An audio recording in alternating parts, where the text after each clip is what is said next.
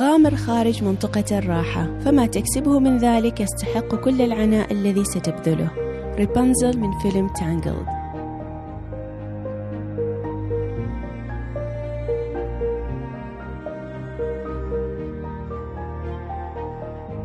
معكم ابتسام الوردي وأقدم لكم بودكاست وعي وتربية. الكثير منا يمر بفترات قلق خاصة مع كثرة الانشغالات اللي تصاحبنا في هذا العصر. ويمكن للطفل أيضا أن يمر بمشاعر قلق. وصفت الطبيبة النفسية دون هوبنر القلق في كتابها What to do when you worry too much? الموجه للأبناء قائلة هل تعلم بأن القلق والمخاوف التي تصاحبه مثل الطماطم؟ لا بالطبع لا أقصد بأنه يمكنك تناولها لكن يمكنك جعلها تنمو. وذلك بالاهتمام بها.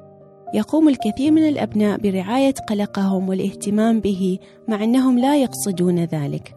وما الذي سيحدث لاحقا؟ يصبح ذلك القلق كومة كبيرة من المشاكل والتي لا تعلم كيف يمكنك التخلص منها.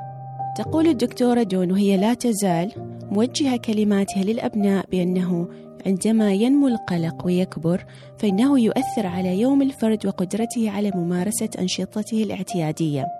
وبالتأكيد فإنه يؤثر على مزاج الفرد وعلى علاقته بأهله وأصحابه.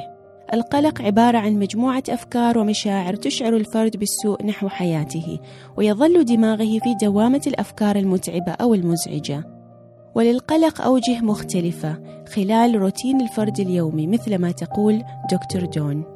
فقد يأتيك صباحا وأنت تحضر نفسك للمدرسة أو عندما تشك بأن أحد والديك نسى موعدا مهما لك وقد يصيبك الوقت اللي يبدو فيه أحد والديك متجهما غاضبا.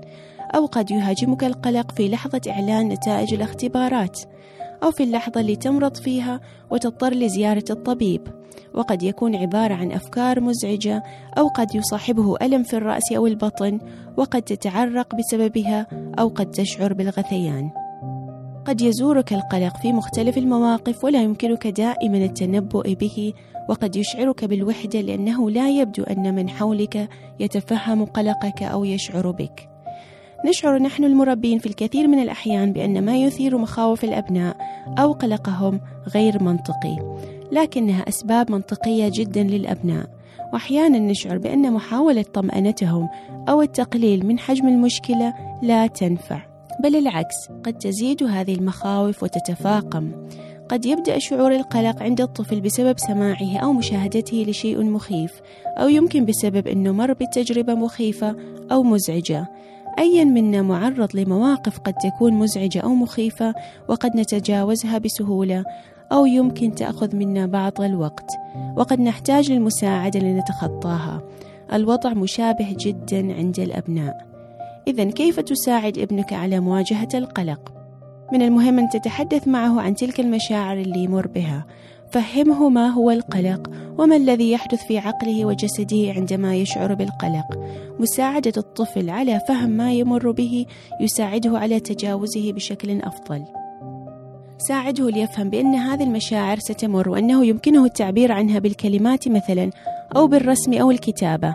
بذلك سيتمكن من تحليلها وملاحظة أسبابها ومنها يمكنك مساعدته على تجاوزها أو التعامل معها بشكل فعال عندما تصيبه. يمكنك أن تقترح عليه أنه بعدما يلاحظ هذه المشاعر ويفهم أسبابها بأن يفكر في أمر يسعده أو يمكن يغير مكانه أو يعد للعشرة أو يشرب كوب ماء.